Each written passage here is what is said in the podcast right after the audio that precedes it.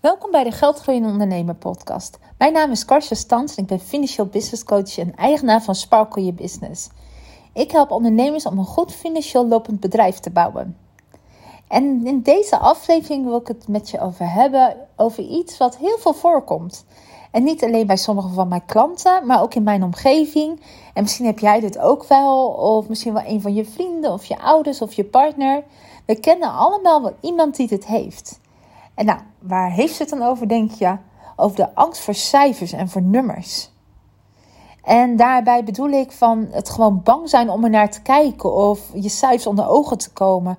En dat staan er iets mee doen. En dat is natuurlijk al een issue als jij uh, gewoon in de privé, privésfeer dat heeft. Maar als ondernemer is dat nog lastiger. En in ieder geval uit mijn ervaring, wat ik om me heen zie, hebben heel veel ondernemers dit. En dat is, ja, wat ik al zei, super onhandig. Want ja, aan je cijfers zie je hoe je onderneming gaat. En op basis van je cijfers neem je beslissingen of je iets kan investeren of niet. En natuurlijk ook altijd op gevoel. Maar het is altijd goed om te checken wat de feiten zeggen.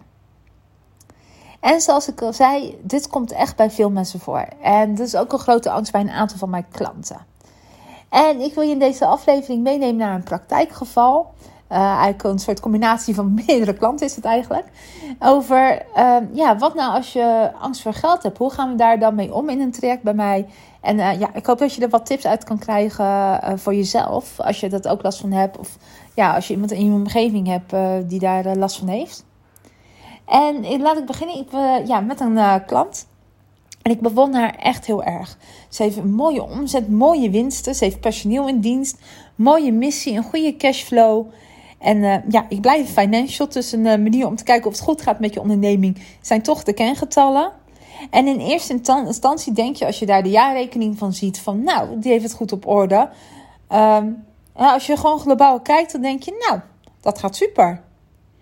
Maar uh, als we helemaal teruggaan naar het begin, ik kwam maar, ze kwam een jaar geleden ongeveer bij mij. En ik heb altijd een kennismakingsgesprek met mensen altijd als je met mij wil, uh, wil starten, dan hebben we altijd eerst een kennismakingsgesprek van wie ben jij, wie ben ik. En uh, ja, wat is je probleem, hoe kan ik je daarbij helpen. En dan kijken we of er een match is en uh, of welk traject misschien het beste bij je zou passen. En sommige mensen willen het hele uitgebreide traject, terwijl misschien het korte traject er ook beter bij past. Kortom, voordat ik daar helemaal gaat uitweiden. We hadden het gesprek. En inderdaad, binnen drie minuten zat ze al in tranen. En ja, weet, ja, dan weet je eigenlijk in ieder geval, dan weet al genoeg dat er echt wel een soort uh, ja, belemmering in ligt om daar ook hulp voor te vragen. En uh, ze vond het namelijk super spannend om, A, om contact op te nemen. Het is om inderdaad echt om hulp te vragen van help, um, ik, ik weet het gewoon helemaal niet meer. En ook ze dacht, het was heel ongerust dat als we er naar gingen kijken, dat er echt een lijken uit de kast kwamen. Eh, want ze had namelijk helemaal geen inzicht. Na, na doorvraag kwam dat eruit. Ze kreeg wel uh, eigenlijk geen idee wat haar cijfers nu waren. Ze keek op de bankrekening, betaalde rekeningen. Maar eigenlijk geen idee of ze nou echt heel veel winst maakte. Een boekhouder die misschien vier keer per jaar een btw-aangifte stuurde met... Uh, nou, uh, je moet xx bedrag betalen. En ook, oh ja, een keer het jaar krijg je ook nog de jaarrekening. Wil je dit en dit betalen aan de belasting? En uh, geen idee wat die cijfers betekenen. Geen idee wat het verschil misschien was tussen BTW en inkomstenbelasting. Sommige klanten weten het wel, sommige ook niet. En het maakt ook niet uit hoe ver gevorderd je bent of niet. Uh, eigenlijk alles wat ik vertel uh, in dit kleine verhaaltje. ja, dat maakt het allemaal niet uit eigenlijk of je starter bent of ver gevorderd bent. Want ja, laten we wel weten, je krijgt natuurlijk ook helemaal geen uh, ja, hoe ga je met geld om? Of hoe, hoe ga je daarmee om op, op de basisschool of op de middelbare school? Dus je moet allemaal zelf maar uitvinden. En uh, ja, dus het is helemaal niet raar als mensen dit niet weten. Nou, en die angst, uh, die snap ik wel. Hè? Om, uh, ja, de angst voor cijfers is natuurlijk al een grote. Maar dan ook om de hulp te vragen en die angst echt aan te gaan. Dat is heel spannend. Ik weet zelf, hè, ik heb een enorme spinnenangst. Echt, uh, ik ben ook echt in therapie voor gegaan. Maar ik weet ook nog wel dat om die stap te zetten, om daar in therapie voor te gaan. Nou, daar heb ik geloof ik al een avond nog gejankt op de bank. En ook daar, dat je daadwerkelijk zit en daar iets aan doet. Ja, je wordt geconfronteerd met je ergste angsten. Dus dat is natuurlijk heel erg confronterend en of het nou achtpotige, wij noemen, ik noem ze nooit een, uh, bij een werkelijk naam, het zijn bij mij achtpotige. Of, of het nou cijfers zijn, of hoogtes, of vliegenangst. Uh, het is hartstikke irrationeel, maar je hebt het wel. En uh, nou, eind van het liedje bij het kennismakingsgesprek, ik kon haar natuurlijk helpen en we zijn een traject ingegaan. En als allereerste heb ik haar verzocht om echt de boekhouding bij te werken. En uh, ik weet dat het niet leuk is, die bonnetjes. Ik vind het zelf ook geen niet leuk om bonnetjes in te voeren. Het is het minst leuke deel van heel je financiën. Maar het is wel noodzakelijk om inzicht en overzicht te krijgen. Want pas als die basis staat, kunnen we naar de toekomst kijken. Want dat is natuurlijk het leukste. Hè? Budget, financieel plan, hoe loop je, welke verdienmodellen. Dat is natuurlijk het leuke ervan. En uh, ook om de cijfers te vragen, uh, aan te vragen bij je boekhouder wat ik ook heel veel zie, is dat heel veel mensen bij de boekhouder liggen. Inderdaad, vier keer per jaar misschien een keer een btw-aangifte krijgen. En een jaarrekening en voor de rest niks horen. Maar jouw boekhouder is echt wel verplicht om jou gewoon overzichten te geven. Of dat jij toegang krijgt tot het systeem om zelf dingen uit te draaien. Dus laat je dat nooit wijsmaken dat je geen uh, inzicht mag hebben. Dat mag jij gewoon. En uh, dus uh, in ieder geval uh, wat ik heb geadviseerd, werk je boekhouding bij, geef het waar je boekhouden, vraag cijfers op, jaarrekening op. En uh, om te kijken van wat is nu de werkelijke omzet en winst, hoe staat je banksaldo erbij en waar verdien je nou geld mee en waar zijn de winstlekken. Nou, die heeft ze allemaal gegeven. Ik heb een analyse gedaan en eigenlijk zag het uh, globaal er prima uit ze maakte winst. Dus het gevoel was ook heel onterecht. De angst om te denken: oh, wat komt er allemaal? Wat voor lijken komen uit de kast? Die waren eigenlijk niet. Maar er waren wel veel dingen die echt verbeterd kunnen worden. En soms is dat echt lang hang, uh, laaghangend fruit. He, inderdaad van abonnementen of zoiets dergelijks. Maar soms moet je gewoon even verder zoeken. En het kan best zijn als jij dienst A verkoopt uh, tegen 10 euro, dat je, er maar, uh, dat je altijd verlies maakt met 1 euro. Of bijvoorbeeld uh, lijfdagen. Uh, dat zie je ook heel veel. Dat mensen daar echt wel gewoon verlies op maken en iedere keer organiseren. En um, ook al heb je een goed lopend bedrijf, dat is meestal een hele grote valkuil. Als jij een goed lopend bedrijf hebt met goede cijfers, denk je al vaak, nou, ik zit er financieel goed bij, ik heb geen hulp nodig, ik ga gewoon lekker mijn gang. Maar dat kan wel misschien de grootste valkuil zijn, want dat je winst maakt, betekent niet dat je niet nog veel meer winst kan maken. Er zitten vaak zoveel winstlekken in je bedrijf die je pas opmerkt als je ineens verlies draait. En die had, het verlies had je kunnen voorkomen om iets eerder aan de bel te trekken. Meten is weten. Als je angstverlies cijfers hebt of er gewoon tegenop ziet, kan je echt lelijk mee de fout ingaan. Als je dat niet doet. Meten is weten.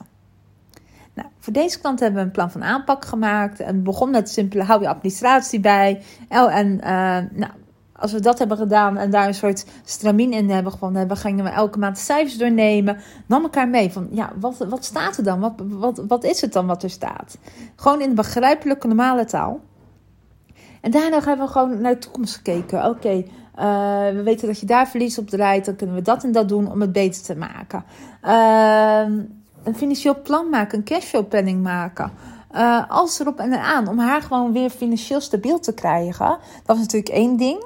Om meer groeiend in de winst te zijn. Maar ook uh, het, ja, meerdere verdienmodellen om het risico wat te verminderen. Maar vooral om haar zelfvertrouwen te geven.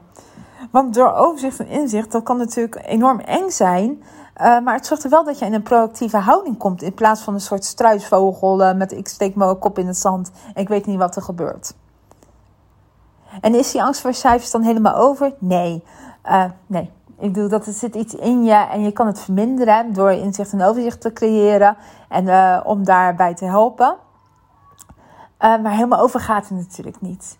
Maar wat ze wel heeft, is dus inderdaad overzicht en inzicht. Uh, mij als motivator om rust te geven. En als het even spaak loopt. En zet mij als spanningspartner als ze iets wil investeren.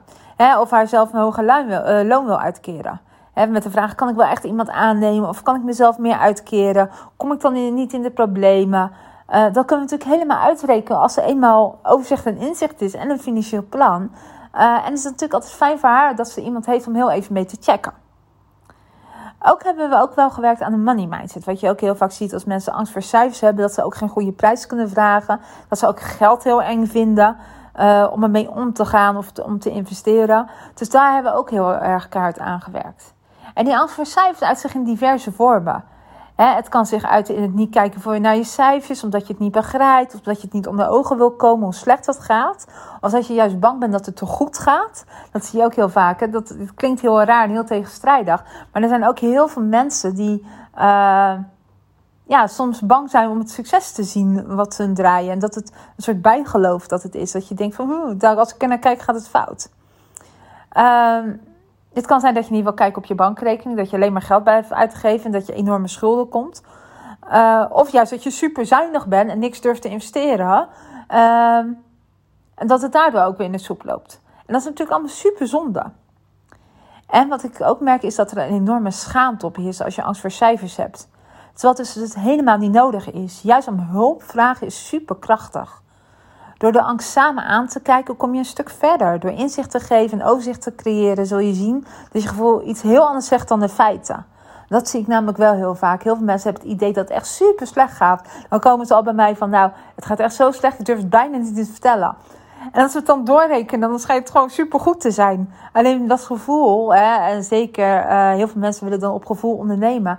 Ja, dat zegt niet alles. Je mag het ook best wel gewoon feitelijk houden en daar gewoon, uh, uh, ja, dat ook gewoon spreken. Ik bedoel, cijfers zeggen alles. En meestal is je gevoel ook negatiever dan de feiten. En is dat andersom, hè? Dus dat je, misschien is het inderdaad wel zo, dat je gevoel iets is van, oh, het is heel negatief. En het is inderdaad ook heel negatief. Of andersom, dat je denkt oh, het is positief en de cijfers zijn negatief. Dan is dat ook goed, hè? Uh, ik breng liever natuurlijk het nieuws van, nou, je doet het supergoed. Uh, maar ook als het niet helemaal lekker gaat, dan is het juist fijn om samen te zitten en alles op een rijtje te zetten. Dus heb je een plan van aanpak om alles weer te herstellen, om de schade niet groter te maken. En dat plan van aanpak komt er toch wel. Ook al gaat het beter dan je gevoel. Uh, dat plan van aanpak maken we sowieso. Alleen, uh, ja, het, het, is gewoon fijn dat je op tijd gewoon zegt van... hé, hey, ik begrijp het niet. Dan kunnen we ja, sneller aan werken.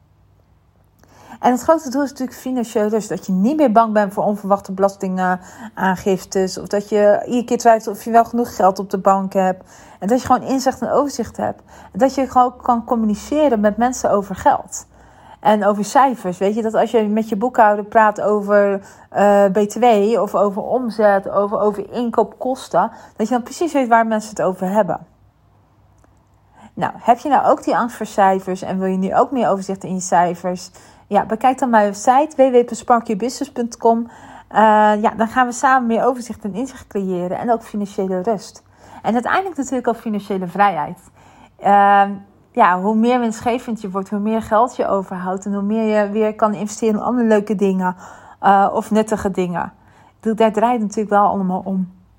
Uh, nou, ik hoop dat je wat tips en tricks uit deze aflevering hebt gehaald. En ik wens jou een hele fijne dag.